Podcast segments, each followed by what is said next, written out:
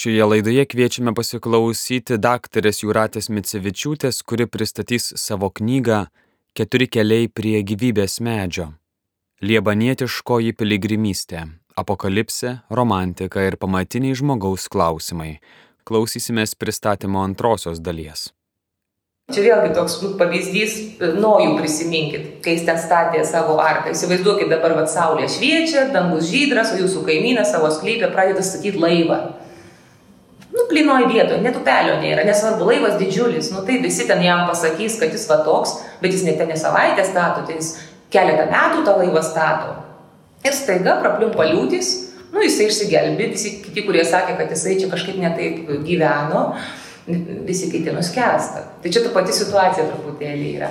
Reiškia, priebėgos ieškoti tikruose autoritetuose, žiūrėti, kuo mes tikime. Tai yra labai svarbu. Ir čia yra tokia labai įdomi iliustracija, čia iš tiesų yra tas, vad, beato, tokio nuolankaus fundamentalisto manifestas. Čia jinai bus knygoje, ją surasite. Ir čia yra keturios raidės, Paks taika, liuks šviesa, reks karalius ir leks įstatymas. Ir avinėlis, kaip matot, yra stovintis, vėlgi kovojantis avinėlis. Tai prisimenat situaciją, bet karas tuo metu, bet laikais vyko visur, reiškia, ir išorėje, ir bažnyčios viduje. E, bet betas siūlo tuo džiaugtis. Nes pavyzdžiui, taika, kas yra jam taika, apie kokią taiką jis kalba va šitoj vietoj. Nu, jisai sako apie tą taiką, kurią mes galime kitiems nešti. Reiškia būti ramybės žmonėmis. Kaip tai daroma? Jisai sako, didesnis nuopelnas yra išsilaikyti geram gyvenant tarp blogų. O mes vis klausime, kodėl nėra geri visi gyvenantys su mumis. Akivaizdu, nemokame pakesti blogųjų, nes patys gerumo turime dar mažiau. Juk geras yra tik tas, kuris išmoko pakesti bloguosius. Nu, kaip ir žinomi dalykai, bet, nu, kiek mes juos prisimenam, pasitikrinkit save tiesiog. Nes Beatas ką jisai daro? Jisai ima apokalipsę ir sako, apokalipsė liepia, neklauskite, kodėl jums tai vyksta. Dievas žino kodėl, klauskite kam. Kam čia Dievas mums visą tai siunčia? Kam jis mums tuos bloguosius siunčia? Ir sako, nu čia toliau jisai tęsė savo palyginimą norime gyventi atokiausią būstą gauti, gyventi atsitraukę, nu kiek čia iš mūsų dabar bėgo iš neramaus pasaulio, toliau kažkur. Žinom tokių atvejų. E, dažnai nepastebime, kad vieta nepadeda, jeigu ten nėra šventosios dvasios. Juk tas pats žmogus, Lotas, išliko šventas Sodomoje, bet nusidėjo iš jos išėjęs. Kas ieško naujų vietų ir nesaugo savo sielos, te pažvelgia į pirmąjį žmonijos tėvą Domą. Jis nupuolė būdamas rojuje. Nu, tikrai netikėtas perskaitimas, kai pasižiūri galvoju, nu, gal ir tikrai nieko blogo, kad mes čia tokiam pasaulyje gyvenam. Ir e, toliau dabar ieškoti šviesos ir ją skleisti. Kai Toledo arkivyskupas ereziją paskelbė, tai tuomet ir išvadino Beatą nušašusi avim, tai Beatas jam, ne, bet kas smagu, kad jis tikrai neatsakė įžeidimais. Atsakė tokiu pagarbių laiškų, atvirų laiškų, kaip jam nusintė atvirą laišką prieš visą Ispaniją, nušašusi avim išvadino. Taip ir Betas parašė tokį atvirą laišką, apologiją, kur išdėstė tikrą įtikėjimą. Ir iš tiesų, kad neįžeidinėjo to Toledo arkivyskupų, irgi galėjo visai išvadinti. Jo ir vatnikų, ir burokų galėjo išvadinti, visai galėjo išvadinti. Arba ten progresistų kokiu, nes buvo progresistas Toledo arkivyskupas. Jis iš tiesų buvo labai politiškai korektiškas, bet jis nesuprato, kad tai, ką jis paukojo, kad to paukoti negalima. Taip, žinia turi eiti į priekį, mes turim naujai ir naujai perskaityti su kiekviena situacija savo tradiciją, bet žiūrėkim labai atsargiai, kad mes kažko nepaleistumėm labai svarbaus. Ir Toledo arkivyskupas numetė Kristaus dievystę, jis pasiliko va tik tą Kristaus žmogystę. Jis nesisakė, reiškia, kaip Dievas Kristus yra tik tai įvaikintas Dievo, reiškia, gimė kaip žmogus ir paskui Dievas jį įsivaikino. Adopcionizmas. Adopcion tai yra įvaikinimas. Tokia va Terezija. Nu ir ką? Labai aišku, kodėl. Jisai gyveno po musulmonais. Jisai gyveno mieste, kuriame valdė musulmonai ir jam reikėjo su jais sugyventi. Musulmonai buvo daug aukštesnės kultūros tuo metu negu tie desgotai tokie atėję iš Europos, nežinantys nieko, ateina musulmonai iš Šiaurės Afrikos, atsineša antikinį palikimą. Tai buvo kažkas tokio tais laikais. Na ir jisai nusprendė, nu tai čia padarykim va tokį, priartinkim pozicijas Tai čia, jeigu musulmonams mes daugia dieviai, nu tai padarykim, kad tas dievas vienas liktų, bet ir gyvensim visi kaip broliai, čia viskas bus nuostabu. Ir tada vat, kažkoks vienuolis iš šiaurės pakelia ranką, sako, ne, ne, Kristaus dievystė svarbi, nes jeigu Kristus ne dievas, nu tai ko mes čia draskomės, vis tiek mes su juo neprisikelsim, nu, mums nepriklauso, jeigu jisai neprisikėlė, tai ir mums nepriklauso. Viskas, krikščionybės nėra. Be Kristaus dievystės krikščionybės nėra. Ir jis tą suprato, va tas vienuolis, o Toledo arkivyskupų buvo mažiau aišku. Taip, reikia ieškoti naujumo, bet žiūrėkime, ką, ką aukojam. Tas turi būti prioritetas visą laiką išlaikomas. Tai va, šviesa. Visą laiką yra pareiga skleisti šviesą. Ir jisai perspėja, Beatas, kai blogiai bando Dievo kantrybę kalbėdami ir darydami blogus darbus, taip kartais ir gerieji nepatinka Dievui, kai nutyli gerus dalykus nepasmerkia sugėdimo, savo tylėjimu leidžia blogiesiems veikti toliau. Tai yra stabmeldystė ir dvasinė paleistuvystė bažnyčioje. Čia apie tos, kurie tyli. Bet dabar klausimas, kaip kalbėti. Tai reikia kalbėti taip, kaip kalbėjo Beatas. Pagrindžiant, pasakant kodėl ir nevadinant visokiais vardais e, savo oponento. Beata savo to neleido ir nu, buvo teisus. Jo pozicija iš tiesų, nu, galima sakyti, nugalėjo, išliko ir stovėjo ir tai yra mums nu, tiesiog gera žinia. Toliau karalius. Dabar e, karalius e, mums yra toks truputį keistas dalykas, mes čia demokratijoje gyvenam, viską kvestionuojam, e, čia visi vadovai, kas aukščiau virš mūsų stovi, tai yra tokie patys žmonės kaip mes, tai čia juos ir aužiais galima išvadinti ir panašiai, nieko baisaus. Tai Beata sako, kad ta pati karališkumo idėja, kad jinai yra svarbi, nes jinai primena, kad mes gyvenam hierarchijoje. Tai reiškia, yra ta būties hierarchija. Ir visada žmogus, kuris yra ribotas, jis turi pripažinti, kad yra kažkas už jį didesnis. Reiškia, mūsų ribotumas reikalauja, kad būtų karalius. Kad kažkas tai tarpininkautų tarp mūsų ir kažko aukštesnio ir kad yra slėpinys kad yra karalius, kurio valią mes gal ne visada suprantam, mes per daug riboti esam. Tai paklusti karaliui yra svarbu. Ir be abejo, pavyzdžiui, labai svarbus yra šventųjų bendravimos slėpinys, kad tai yra patikimiausias prieglobstis kiekvienam, kas tarp jų pasilieka. Jisai visą laiką kalbavo, kad ta uola, kur mes turim slėptis, yra Kristus jo šventieji. Žiūrėti autoritetus, ieškoti tų, kurie galbūt į slėpinį išvelgia truputį daugiau negu mes. Pagarba pagarba slėpiniui. Mes ne viską žinom, mes norim viską žinoti, viską paaiškinti, bet kartais turim sakyti, nu čia man ne visai aišku. Gal kada nors duos Dievas suprasiu. Tai tas karališkumas yra pagarba slėpiniui. Ir galiausiai įstatymas, šiaip tai galimos kitos interpretacijos. Čia skaitant beatą galima daug ką atrasti, tai čia tiesiog kaip pavyzdžiai, galbūt jūs rasite kitą atsakymą. Nes aš knygoje pasistengiau pateikti daugiau pavyzdžių, kad kiekvienas galėtų surasti kas galbūt jam bus svarbiau, kas jam yra karališkumas. Man pasirodė, kad slėpinys yra svarbiausias tame. Ne valdžia, bet būtent slėpinys. Kad mes nusilenkėme slėpinį tam, kas aukščiau, pripažįstame, kad gali būti aukštesnė tikrovė, kurios mes galbūt nesuprantam. Ir galiausiai įstatymas. Dabar su įstatymu mums truputį čia bus sunkiau, nes mes įpratę, kad įstatymus leidžia parlamentas, parlamentarai yra visokie ir juos irgi galima visai kaip išvadinti, tai įstatymus galima pakeisti. Tai dabar šitoj vietoj beatui įstatymas yra truputį kitas dalykas. Jam tai yra Dievo įstatymas, tai reiškia pasaulio tvarka. Reiškia, toks pasaulis, kokį Dievas sukūrė, turi savo tvarką. Ir tas, kas eina prieš tą tvarką, jau pats save pasmerkia. Ir šiuo atveju, va čia įeina tokia, nu, truputį abstrakti frazė, bet iš tiesų jinai yra, nu, esminė. Tai dabar čia, kurie studijavot filosofiją, apsidžiaugsit, visi kiti sakysit, kokia nuobodybė. Joks blogis nėra substancija, tai tik tai gėrio nebuvimas. Kaip ir tamsybės nėra tikrovė, o tik šviesos nebuvimas. Ir mirtis nėra tikrovė, o tik gyvenimo nebuvimas. Tai mums čia taip labai viskas abstraktu, bet iš tiesų tai reiškia, pagal Beatą, taip jis perskaitė apokalipsę ir iš tiesų apokalipsę galima tai perskaityti, kad tas, kuris sėja mirtį, kuris sėja tamsą, kuris daro blogį, jis jau save pasmerkia. Pati tikrovės tvarka taip veikia, čia indai sakytų, ui čia karma, karma. Jokia čia ne karma. Dievas taip sutvarkė pasaulį, pas indus karma neturi autoriaus. Pas krikščionis pasaulio tvarka turi autorių. Tai yra Dievas, jisai davė tvarką ir dar mums pasakė, kokia ta tvarka, ką daryti, ko nedaryti, kad gyventume. Ir Beata sako, tai yra ta būties hierarchija. Va, iškelta vėliava, jeigu mes seksime paskui tą vėliavą, gyvensime, jeigu ne, tai negyvensime. Nu, vargšai, kurie neteisingai pasirinko. Čia jis toks truputį, nu, taip truputį žiauriai gal pašneka, jam kažkaip visai atrodo negaila tų, kurie taip neteisingai pasirinko. Va, bet nu, tie, kurie neteisingai pasirinko, jie mums yra e, svarbus, nes va, tie priešai, su kuriais mums tenka kovoti, e, beatui yra svarbi šio pasaulio tvarkos dalis.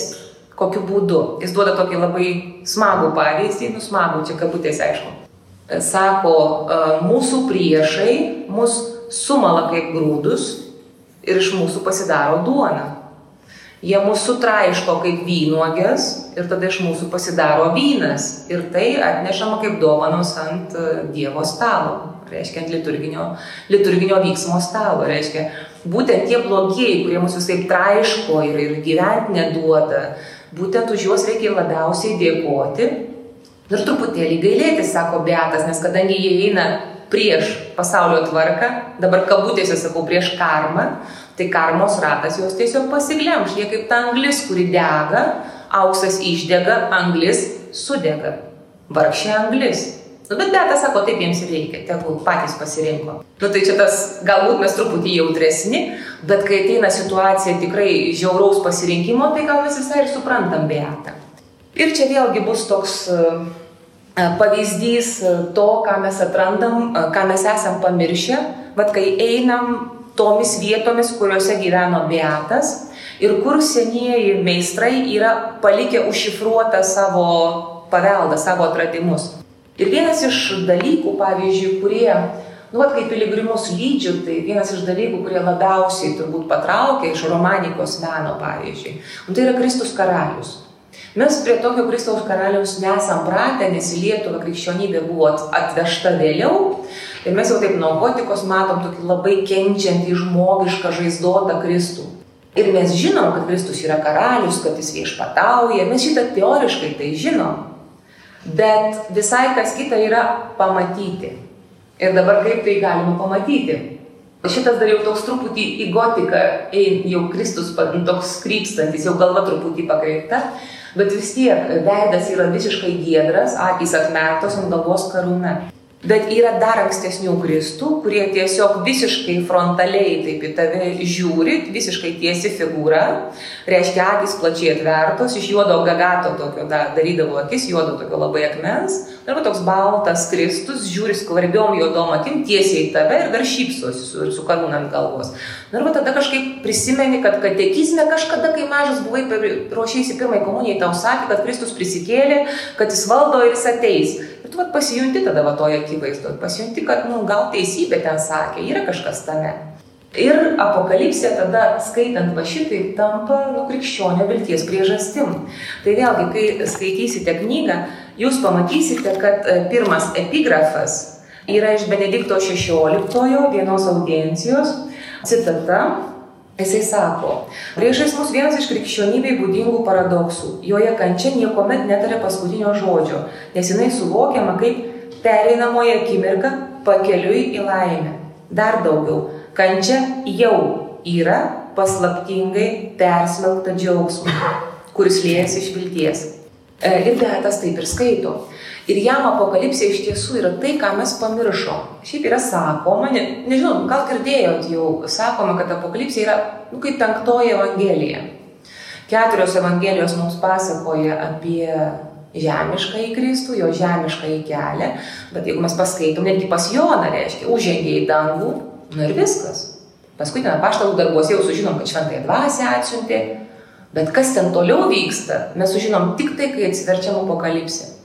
Ten mums parodoma, galima sakyti, praplėšiamas dangus ir mes pamatom, kad Kristus tikrai prisikėlė, kad jisai valdo, kad jis laiko visus siūlus, kad jis jau yra nugalėjęs ir kad kai ateis paskutinę dieną, tai jisai ateis pasiimti gerųjų, jis tiesiog ateis sunaikinti blogio. Tai yra gera žinia iš tiesų. Ir apokalipsė tai primena. Ir čia vienas toks irgi pavyzdys, kaip sakiau citata. E, vienas pavyzdys šitas kapitelis, aš labai jį mėgstu, čia kas sako, kad 3D e, mes dabar išradom, tai jie turbūt nematė romaninių kapitelių, romaninių bažnyčių, nes jos yra iš tiesų labai tokios interaktyvios. Ten eini per tą erdvę ir kažkas tuo metu vyksta ir tu išgyveni tą istoriją savyje. Ir lygiai taip pat šitas kapitelis jis sukasi, ir įsivaizduokit, jisai sukasi. Ir ten kitoj pusėje, kur drakono galva, ten toks raitelis kovoja su juo, ten su jėtim, ten jie susijęme kaip reikiant. Ir dabar, kai mes einam aplinkui tą kapitelį, tai mes pamatom vieną labai įdomų dalyką. Kai tu esi raitelio pusėje ir jis ten duodasi su tuo slibinu, tau net į galvą neteina, kad tą slibiną iš kitos pusės prilaiko angelas. Ir tu matai, neplink kapitelį ir staiga matai, o, pririštas libinas, angelas jį laiko. Reiškia, kad nu, Dievas tiesiog nesiunčia tokio išbandymo žmogui, kokio jisai nu, negalėtų išlaikyti. Reiškia, jeigu tave kažkoks išbandymas užgriūna, o dabar mums labai nu, tikrai širdį skauda dėl, dėl kenčiančių Ukrainoje, ar ne? Ir taip kartais pagalvoju, nu, mat, jeigu man tokia situacija, bet aš tokioje situacijoje, kaip aš pasirinkčiau, dabar tai čia be pika, atsėčiau, tai čia saugu viskas. O vat jeigu man ten kažkas, man, nu, įstato pistoletą į, reiškia, į smilkinį ir sako, nu, dabar arba, arba tu va, tą kitą žmogų nužudyk, arba tau viskas, nu, vat, kaip rusų kareivukams, nu, yra ta situacija. O ką aš daryčiau, nu, ar aš pasakyčiau, nušauk, aš to nešausiu žmogaus. Tai va, tai čia toks tiesiog, nu, banalus toks pavyzdys. Iš, iš filmo prisiminiau, Lugnino, ten toks sala yra filmas, ten va tokia situacija kaip tik. Tai dabar ką aš noriu pasakyti, va, pagal šitą kapitelį, tai čia yra to, tokia paguoda, kad jeigu nu, dievulis mato, kad čia žmogutis silpnokas, nepakels tokios situacijos, tai jis jo į tokią situaciją ir nestatys. Tai, tai aš nežinau, čia didelė paguoda būtų ukrainiečiams, kurie dabar tokioje situacijoje, bet, nu gal nors šiek tiek. Va, tas toksai tikėjimas, betui tai buvo nu, tikrai toks paguodos šaltinis. Ir čia jau e, paskutinė bus skaidrė, irgi tas mums priminimas, ką žinojo Beatas, mes esam pamiršę. Šitą iliustraciją, nu matot, kad čia labai garsi Mikelandželo Siksto koplyčio, čia šedevras, ten važiuoja eilės, žiūrėt ir taip toliau. Šita mažiau žinoma, čia yra 11 amžiaus iliustracija iš Beato komentaro. Ir vienoje vietoje ir kitoje vietoje yra va, tas Kristus ateinantis paskutinę dieną, Kristus teisėjas. Bet dabar e, kuo jisai skiriasi? Vėlgi, e, Mikelandželo e, iliustracijoje, jeigu matot, Kristus ateina labai gražus, reiškia žmogiškai viskas, labai rūstus, iškėlęs ranką, su kumščiu, jis ten skiria avis nuožių, vieniems ten labai smagu, kiti ten bloškiami, dar va čia kur per, per upę kelią pasižiūrėkit, dar dar ir irklų čia užbožė tas valtininkas jau tiems nusidėlėms, tai jau nedaug dievė ten tokia situacija, nu tikrai baisu. Ir mes va žiūrim šitą ir galvojam, jei, kaip ten bus ta paskutinė diena, va čia taip, kai jinai ateis kada nors. Beta sako, nu ne, ta diena yra kiekviena diena, kiekvieną dieną vyksta pasirinkimas. Ir šita va iliustracija, kuri yra dešiniai, jinai tą primena. Čia yra tas Kristus iš apokalipsės. Vienoje rankoje alfa, kitoj omega, pradžia ir pabaiga. Tai čia va, vėlgi, kaip vieno žinomo psichoterapeuto mūsų knygoje, reiškia, žmogus gyvena ne nuo gyvenimo mir, iki mirties, bet nuo Adomo ir Jėvos iki paskutinio teismo iš tiesų. Kiekvienas žmogus savo gyvenime pereina nuo alfa iki omega. Bet dabar pažiūrėkit, yra alfa, ir omega, yra Kristaus rankose. Tai dabar jeigu mes einam nuo alfa iki omega, mes nu kažkur tai per vidurį esam. Ar ne? Va tam glėby, va tam gražiam glėby. Tai va, tai, tai, yra, tai yra gera žinia iš tiesų. Ir čia paskui e, knygoje rasite. Dar čia labai gražiai žaisdavo su šitą iliustraciją, aš dabar gal greitai nerasiu, daug maž žinau, kur jinai yra, bet turbūt, kad... Ai, va, čia bus 24 puslapį. Čia yra ta alfa ir omega iš įėjimo į panteoną, ant durų tiesiog. Ir ten jūs pamatysit, kad pirma yra omega, paskui alfa. Tai reiškia, žmogus, kuris palaidotas yra, jisai reiškia, iš mirties eina į gyvenimą. Vėl, tai čia apsisuka tiesiog ir pažadas yra čia užšifruotas. Tai čia yra beato žinia mums, kad paskutinis teismas yra viešpaties diena, bet ne jo rūstybės diena.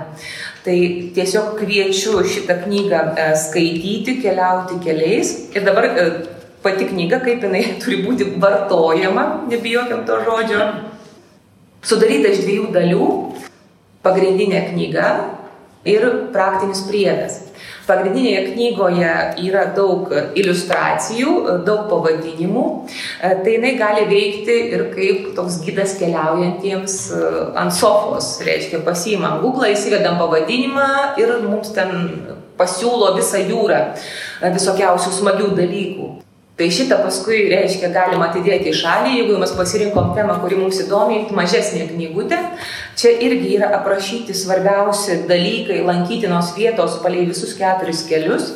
Ir tokie nu, planeliai preliminarūs, tai vėlgi galima keliauti arba vaizduoti, arba tiesiog pasimti ir važiuoti, va, kaip su kelionės gidu šitom vietom, tai kaip dovana skaitytojams. Tai tikiuosi, kad e, čia tema buvo, bus pakankamai svarbi Nu, kad mes irgi, kaip ir Betas Liebanietis, rastume paguodos apokalipsėje ir tame pažadė, kad nu, Kristus ateis, kad tiesiog reikia statytis namą ant tvirtos uolos. Čia truputį pamoralizavau, bet nu, kažkaip labai jau norisi. Tai va, labai ačiū, kad, kad išklausėt, tai čia jau pristatymas kaip ir baigėsi, labai tikiuosi, kad klausimų bus. Jūratė Šventoji Teresė Vilietė, Šventasis kryžiaus Jonas ir staiga Šventasis Beatas. Nu, daugelis nei mes žinom apie jį, nei pirmą kartą išgirdom, bent jau pirmą kartą tiesą sakant išgirdau, gal aš išprūsęs ar kaip. E, kas, e, ar, ar tai kažkaip natūraliai, ar šventoji pasiatvedė, ar pakeliui atsirado, kodėl, na, nu, aišku, matytos miniatūros tikrai garsios, tai taip. Bet nes vis tiek tenka pasirinkti turbūt pati linkus nuodugniai tyrinėti ir komentarus, e, išmanyti, rašyti, tai e, kaip čia ta planavimas ir kas toliau. Ar dar kažkas yra po šimto metų, tikėtis dar kažko laukti, ar kažkokiu horizonte planų dar. Ieškau vaizdinio e, šito atsakymo knygoje, dabar turbūt taip greitai ir nerasiu. Iš tiesų smagiausia, nu, turbūt va irgi pasikliauti beato patarimu ir leistis, nu, kad vestų pats gyvenimas, nes čia yra iššūkis, kai mes Man sako, kodėl žmonės į piligrimystės eina. Nu, tik eini, tai tu eini į tokį nepažįstamą vietovę, dažniausiai nesusiplanavęs. Ir kadangi eini labai budrus, tai tau tada, nu, pati aplinka dažnai kalba. E, tai šituo atveju mane vedė, galima sakyti, bažnyčios kalendorius, nes Šventa Teresė atėjo į mano vat akiratį tada, kai buvo paskelbti jos jubiliejiniai metai. Nu, vat, praėjo tas jos gyvenamasis laikas, praėjo 500 metų ir staiga ispanai susigrėbė, kad čia va 500 metų jubiliejus, kaip jinai gimė 2015-aisiais. Viskas darom, čia skaitom, atsidarė muziejai, ekspozicijos, kelionės, čia staiga sujudo ten 17 miestų, kurios vienuolynai ten sudarė asociaciją va staiga jubiliejai kuo geriai, jie mums primena, kad kažkas yra svarbu. Tai per tai irgi, kaip sakoma, vaizdas suveikia. Ir va šiuo atveju, reiškia, prie šito kryžiaus irgi veda piligriminis maršrutas, ten būna visuotinių atlaidų, vadė jubiliejiniai metai, kaip ir einant Jokūbo keliu. E, ir šiuo atveju taip sutapo, kad čia nu prisipažinsiu, čia turbūt, čia, čia dailininkė įdėjo, aš jos tikrai neprašiau, 108 puslapį. Čia šiaip mano nuotrauka yra. Aš jai nusiunčiau krūvą nuotraukų, nu, jam patiko, kad kažkas tą reiškia, kodeksą tą varto, nu ir jinai įdėjo. Bet taip atsitiko, kad aš persikrauščiau su šeima gyventi į Kantabrijos regioną, kur yra šita relikvija, būtent per jubiliejinius metus ir ten pakliuvo tie kodeksai, ten man po akių. Tai vėlgi tas jubiliejus atėjo į mano gyvenimą, o paskui, kaip sakau, tas sutapimas čia kabutėse, kad kryžius ir apokalipsė yra vienoje vietoje, tam pačiam vienuolynė lankom, tai taip tiesiog užvedant kelio. Ir e, dabar vat, toliau bažnytinis kalendorius juda ir sako, sako, nu tai dabar jau vyksta Švento Ignaco jubiliejiniai metai, vat jau pernai, 500 metų nuo jo sužeidimo prie Pamplonos, ten kuriam lemtingai sulaužė kojas sviedinys ir prasidėjo jo toks dvasinis kelias. Iš žemiško riterio tapo, reiškia, dvasios riteriu. 1521 gegužės 20 dieną tai vyko, tai vad jėzuitai jau pradėjo švęsti, jau jie čia švenčia jau, jau pat antri metai. Ir tada sužeistas Ignacas buvo nuvežtas į tėviškę į Nukadano, jis ten pasveiko vargais negalais ten per kelis mėnesius. Ir 1522 m. vasario pabaigoje leidosi į piligrimystę į Jeruzalę. Tai pirmiausiai ten prie Ispaniją ėjo, nuo savo tėviškės, ten prie Barcelonos tokia Madresa yra, Monserratą turbūt žinot, girdėjot tą šventovę garsę. Na nu ir ką, reikia sėsti laivą, pandemija prasidėjo. Ir neišplaukė Ignacas, tada jau į tą Jeruzalę pasiliko 11 mėnesių. Nu ir tai buvo svarbiausia jo gyvenimo mėnesiai iš tiesų, vad kaip kartai suveikia.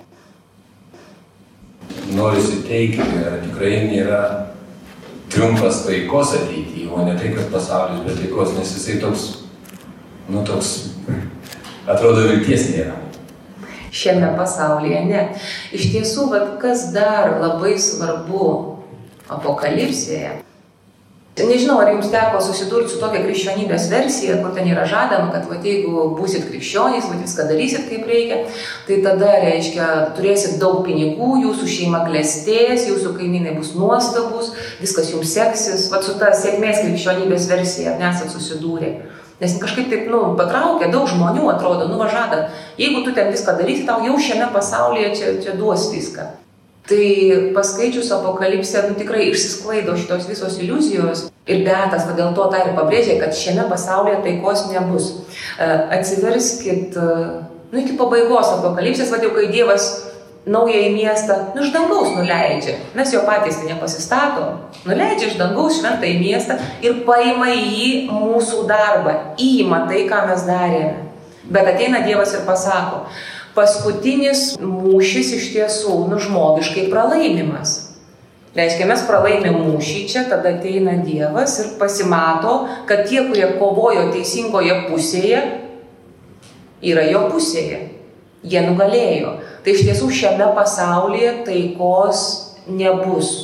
Čia happy endo nėra krikščionybė. Tas, kas žada krikščioniškai happy endą klysta. Ir įdomiausia, va čia vėlgi prisimenu dabar Šventos Teresės Avilietės, čia buvo toks atvejis, kai jau visai pavargo ten su Dievu ginčytis. Pradėjo skūstis, kad jinai, reiškia, jinai labai pavargo, jinai sena, jinai serga, nori pailsėti, viešpatie čia, nu, duok ramybę, nori pailsėti. Jisai sako, nebus ramybės šioje pasaulyje, pailsėsi, kai numirsi pas mane. Va, tai toks buvo atsakymas. Ir tas pats atsakymas apokalipsė iš tiesų yra. Iš tiesų taika jau yra. Tai yra Dievo karalystė, kuri jau yra tarp mūsų, bet jos dar nėra. Tai čia pat, pat yra čia šitas dalykas. Tai ta viltis yra, jeigu mes gebam jos įsitverti, vat kaip tie, kurie buvo pasislėpę tvarkingai sėdėjo va tose kalnų olose. Kalnas tai yra Kristus, uola yra Kristus, saugus prieglobstis. Tai kas šiame pasaulyje tik tai tokia gali būti, kitokios niekada nebus. Tai va, tai čia ir, ir guodžianti žinia, ir kartu pastatanti ant kojų, nes tada nusipranti, kad tu kaip avinėlis netripsosi ant knygos, tik avinėlis ant jos guli, turi funkciją. O mes turim stovėti, kol avinėlis danguje nugalėjęs ten su vėliavomis apačioj, su žvėrim kovojam.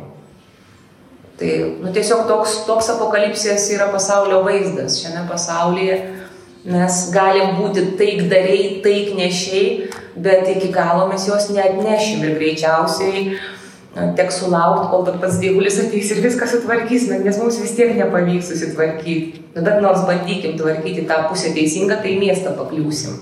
Čia yra tokia apokalipsės. Arba jau tame mieste dabar gyvensim, būdami kalne, kol antikristas draskosi viršuje, virš mūsų, aplinkui tas uolas. Tai yra tai labai ačiū, nes tokia stiprybė ateina, kad ir, kad ir kažkas įvyktų, ar ne, kad ir tėvą Mariupolio, tie vyrai žūsta, ten viskas baisu, blogai, bet va ta viltis yra, kad tai reiškia vis tiek, vis tiek bus gerai. Vat, ir tą nebijoti tada tų baisių dalykų, kurie gali ištikti ir kurie ištinka. Ir kad va, mes tame galime rasti stiprybę, tai man va tas labai, nu, kad mes nelaukiam to tokio tikrai gero dalyko, bet blogame dalyke gauname gerą. Taip, tai yra svarbiausia žinia, turbūt, vat, nors kartais tikrai vat, skaitant, skaitant žinias arba matant žinias, kurios ateina, sunku tuo patikėti ir tikrai žmogus taip labai bejėgiškai pasijunti kartais. Tai gal ir gerai, kad vat, ateina iš amžiaus glaudumos autorius ir sako, mes išgyvenom, nu ir jūs išgyvensit. Čia individualiai, bet ateina mirtis ir tam, tame paskutinėje teismo dienoje individualioje reiškia, irgi vat gali kažkaip tai pasakyti, kad tu būk stiprus šitame. Ir dar, kad mes nesam vieni. Nes irgi, reiškia, ir angelai už mus kovoja, kaip matėt. Nėra taip, pat, kaip renesansė, čia kur tas Kristus atgala. Reiškia, Kristus ateina ir čia visus išskirsto, ne, ne, ir šventieji už mus kovoja, ir baltasis raitelis už mus kovoja, ir šventieji už mus meldžiasi, mūsų ateina pasitikti. Vat vis, visa tai yra, kad žmogus nu niekada nėra vienas iš tiesų. Tai mes tą irgi esam pamiršę, kad galbūt kova vyksta, mes to nematom, bet gal vyksta ir nu, kitais lygmenimis. Nors kartais nu, labai juoda ir labai sunku to patikėti, bet jeigu prarasim viltį, nu, tai tuomet iš viso nieko nelieka. Tai gal laikykime to, ką mums Dievas pasakė, jisai geriau žino. Ir sakau, taikos nepažadėjau, o apokalipsė yra tokia ir vilties knyga, bet ir nepatogi knyga. Vat, kartu. Nepatogi dėl to, kad nureikalauja tokios geležinės vilties. Nu, bet gerai, kad mes ją kaip dovaną iš Dievo gaunam. Reikia paprašyti ir, ir, ir, ir ją gaunam. Priimti ir, ir turėsim. Dievo sukurtas pasaulis, taigi jis buvo taikos pasaulis, tik tiek, kad paskui buvo neteisingas pasirinkimas ir, kaip sakoma, blogis neegzistuoja, kol mes jam neduodam kūno Kuria prasme mes duodam kūną, sako. Kad kiekvieną kartą, kai blogai pasirenkam, tas mūsų pasirinkimas tarsi sukuria kažkokią tikrovę jau ir paskui ta tikrovė darosi vis didesnis, didesnis, tas, tas kamuolys ir galiausiai mus pačius nusineša. Tai čia turbūt taip, taip yra tas pats ir su karu, jisai prasidėjo su Adomo vaikais, o ten, kai reiškia Dievas pasmerkė, kad žaltys visą laiką taikysis gelti į kūną, reiškia, ten stengsis jį sutraiškyti, Dievo sūnus. Tai, tai tai iki šiol tęsiasi ir iki pabaigos tai tęsiasi. Tai turbūt galima sakyti, kad tikroji Dievo tvarka yra taika, bet mes jo sukurti nepajėgiam. Visą laiką vyksta karas kažkoks tai. Jeigu ne išorėje, tai sakau, jūs prisiminkit va tos laikus, kai mes labai gerai gyvenom. Ar buvo taika? Na, nu, aš neprisimenu nei vienos dienos, kai nebuvo dėl kažko, visą laiką dėl kažko tai rėjomės. Jeigu ne dėl, reiškia, požiūrį į žmogaus gyvybę, tai tada mes, nusakau, rėjomės, tai mes čia sakysim, ne, ne, mes čia teisingą poziciją gynėm, bet kaip mes ją gynėm? Kokiu mes dalykų esam priešnekėję va, tiems, kurie kitaip mano? Tai tada buvo kažkoks kitas klausimas.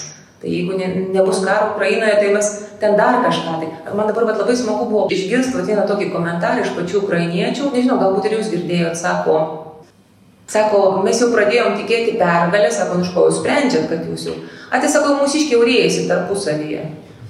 Jie jau ruošiasi taikoje gyventi. Tai aš, aš čia tiesiog persakau savais žodžiais, ten ilgas toks pokalbis buvo, bet mintis buvo tokia. Su jo, sako, mes jau tikim pergalę, taip.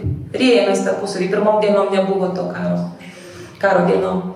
Manau, norėčiau paklausyti, nes, na, nu, aišku, pradžios pasakojimas yra mitologinis, nereikėtų jį įsigimti, bet e, jeigu, tarkim, rojus, nu, fizinis, kaip fizinė vieta, būtų ta um, pilnoji vieta, na, kur turi būti žmonė, tai ar mes galėtume sugrįžti tą, e, tą pirmąją vietą, nu, viso ko tą tokią pilnatvę. Nu, taip gaunasi, kad ar šis pasaulis neturėtų sugrįžti tą pilnatvę, nes dabar jis yra, nu, šitoje e, nesantokai jis e, nuodėmės pavertas ir, ir, ir šetonas čia karaliauja. Tai ar pasaulis neturėtų perėti šitą kažkokį kaip aukščiausias tikslas, kad būtų toksai, kad perėjimas į grįžimas į... Nu, čia, čia yra iš tikrųjų geras klausimas, nes mes labai tuos nu, ciklus mes mėgstam jos iš tiesų. Bet apokalipsė yra tokie žodžiai ne, Izaijo, man atrodo. O dabar susimaišiau, neprisimenu, bet iš Biblijos, kai aš pasakysiu iš Izaijo čia. Reiškia, aš kuriu naują dangų ir žemę. Aš viską sukursiu naują. Nes Dievas šiaip tai nekartoja to, kas buvo padaryta. Ir e, iš tiesų tai, kas įvyko rojuje, kad nors čia ir mitologinis pasakojimas, bet jis nu, kažką padeda suprasti apie, apie tai, kas dabar vyksta mūsų pasaulyje. Tai buvo pradžia ir iš tiesų kelio pradžia, tai buvo tam tikra alfa žmonijos kelyje, bet omega tai nėra sugrįžimas į alfa. Iš tiesų, nes nuo alfos žmogus, žmonė nukeliauja didžiulį kelią, ilgą labai kelią. Ir tasai, tasai žmogus, kuris jau gyvens tame naujame danguje, naujoje žemėje, jis jau bus kitoks. Reiškia, tai bus tas pats Adomas, kuris nupuolė, kuris nuėjo ilgą kelią ir kuris galiausiai pasiekė dangaus miestą. Reiškia, nu, pabaigoje teko Dievui paduoti jam rankutę, kad ten užsikeltų į ten, bet galiausiai tai pavyko padaryti. Ir tas procesas, čia vėlgi, jeigu pasižiūrėsit, 32 e, puslapis, man labai patinka irgi va tokie tie senieji gotikiniai kryžiai, čia va tą pačioj pasižiūrėsit. E, čia yra vaizduojamas Kristaus kojos, reiškia, nuo kryžiaus prikalto. Ir apačioje čia toks žmogiukas iš karsto lipa, iš sarkofago lipa, tai čia domas.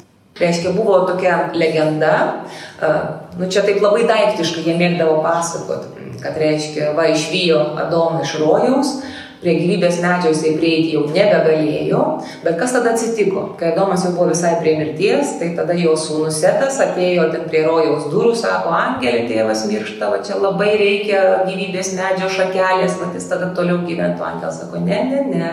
Reiks palaukti, va, ateis toksai laikas, nu ir čia reiškia Kristaus ta pranašystė. Nu, bet sako, davė sieklytę nuo gyvybės medžio, tą sieklytę setas įdėjo Domui į burną, iš tos sieklytės išaugo medis, tas medis paskui, va, reiškia, buvo nukirstas arba tiesiog nu, padarytas kaip šitas, kaip kryžiaus tasai vertikalus stulpas ir ant jo nukryžiuotas Kristus.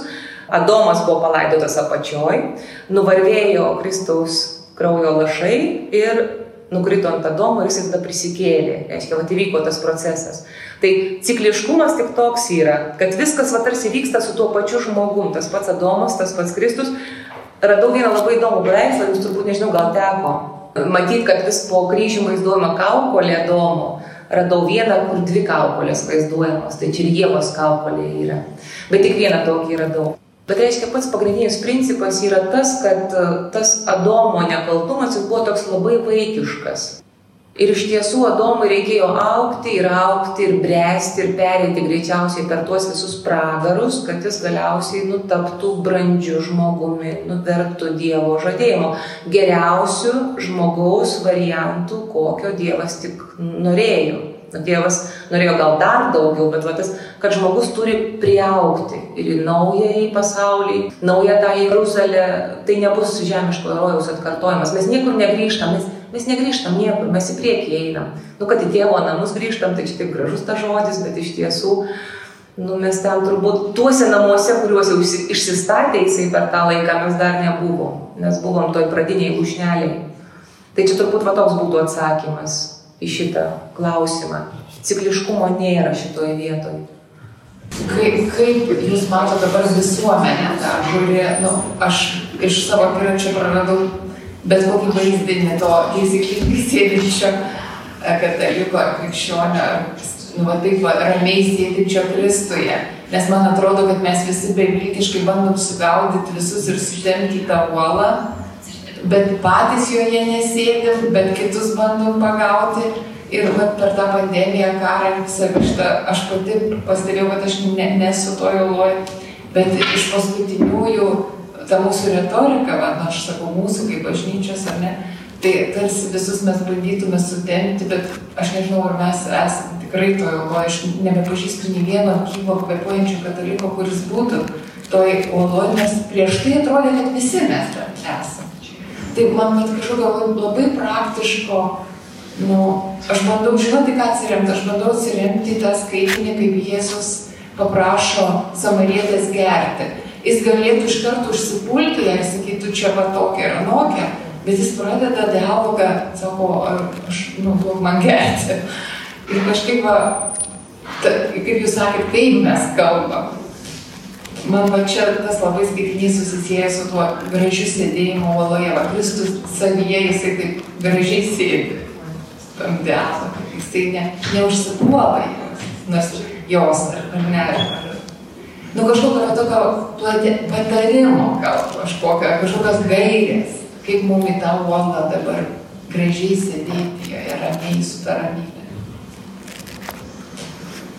Čia sunkus klausimas ir tikrai nusėdėti uoloje nelengva. Aišku, yra ta iš Pauliaus laiškų garsioji frazė piktą nugalėti gerumu.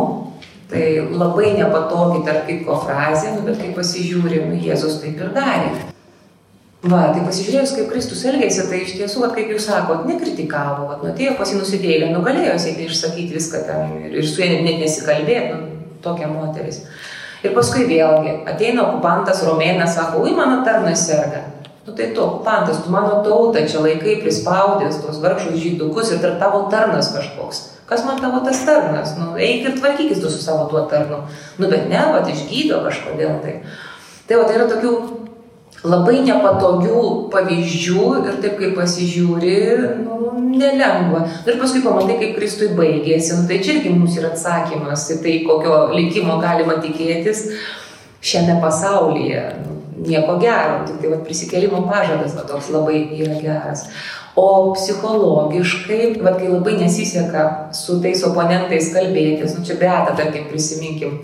Taigi arkivyskupas Toledos niekada nepriėmė beato reiškia mokymo ir to paprotinimo, nebuvo tokio dalyko, jis ten toliau užsispyrė, savo tvirtino ir viskas. Bet e, atsirado žmonių, kurie palaikė ten Frankų karalystėje, paskui popiežius prisijungė irgi.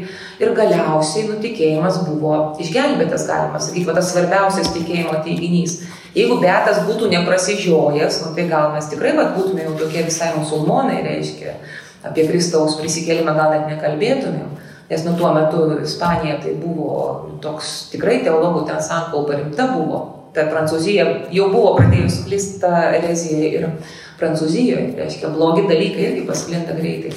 Bet tokiais atvejais galbūt reikia prisiminti, kad egzistuoja karalius, o tas karalius slėpinys, kad netgi tada, kai atrodo, kad nieko nevyksta, arba atrodo, kad mes čia sėdėm, nieko nedarom, kažkas vyksta tuo metu kažkas vyksta. Ir čia, prisimenat tą anegdotą, čia patus tikra situacija iš Jono, Šventojo Jono 23-ojo ten kai jisai ten ir susirinkimą paskelbė, ir sveikata šlubuoja, ir čia ta kurija priešinasi, nu, žodžiu, viskas blogai, ir jis ten nervinosi, nervinosi, nesimiega. Nu, jisai ten paskui jau sako, kažką su tuo daryti, sako, meldžiasi ir sako, viešpatė, tavo bažnyčia, tu ir ganyk, aš dabar mėgosiu. Ir, nu, išganė, pasižiūrėkit, va, nu, numirė Jonas 23-asis, bet susirinkimas įvyko, kismas prasidėjo, to pasikeitimo tikrai labai reikėjo, buvo pridaryta krūva klaidų, už kai kurias mes dabar mokame, nu, bet buvo labai gerų dalykų padaryta. Tai kartais, nu, čia man asmeniškai, gal jums bus kitaip, kartais žmogus turi prisiminti, kad pirmiausiai jis atsako už save ir savo pasirinkimus. Reiškia, jeigu tiesiog padarai teisingą pasirinkimą, tai, ko tu tiki, kad tai yra Kristaus uola, nu paskui perduodi Dievui, jo bažnyčia, jo žmonės, nu galų gale žmonės, nu tai ne mūsų vaikai, tai yra Dievo vaikai, yra mūsų broliai. Nu tai Dieve tavo vaikai, tu ir tvarkykis. Nu, aš, ne, aš su savo broliu nesusitvarkau. Kiek iš jūsų su savo broliais gerai sutarėt ir seserimis? Savo šeimoje. Klausėmės daktarės Jūratės Micevičiūtės, kuri pristatė savo knygą Keturi keliai prie gyvybės medžio - Liebanietiškoji piligrimystė, apokalipsė, romantika ir pamatiniai žmogaus klausimai. Klausėmės antrosios pristatymo dalies. Likite su Marijos radiju.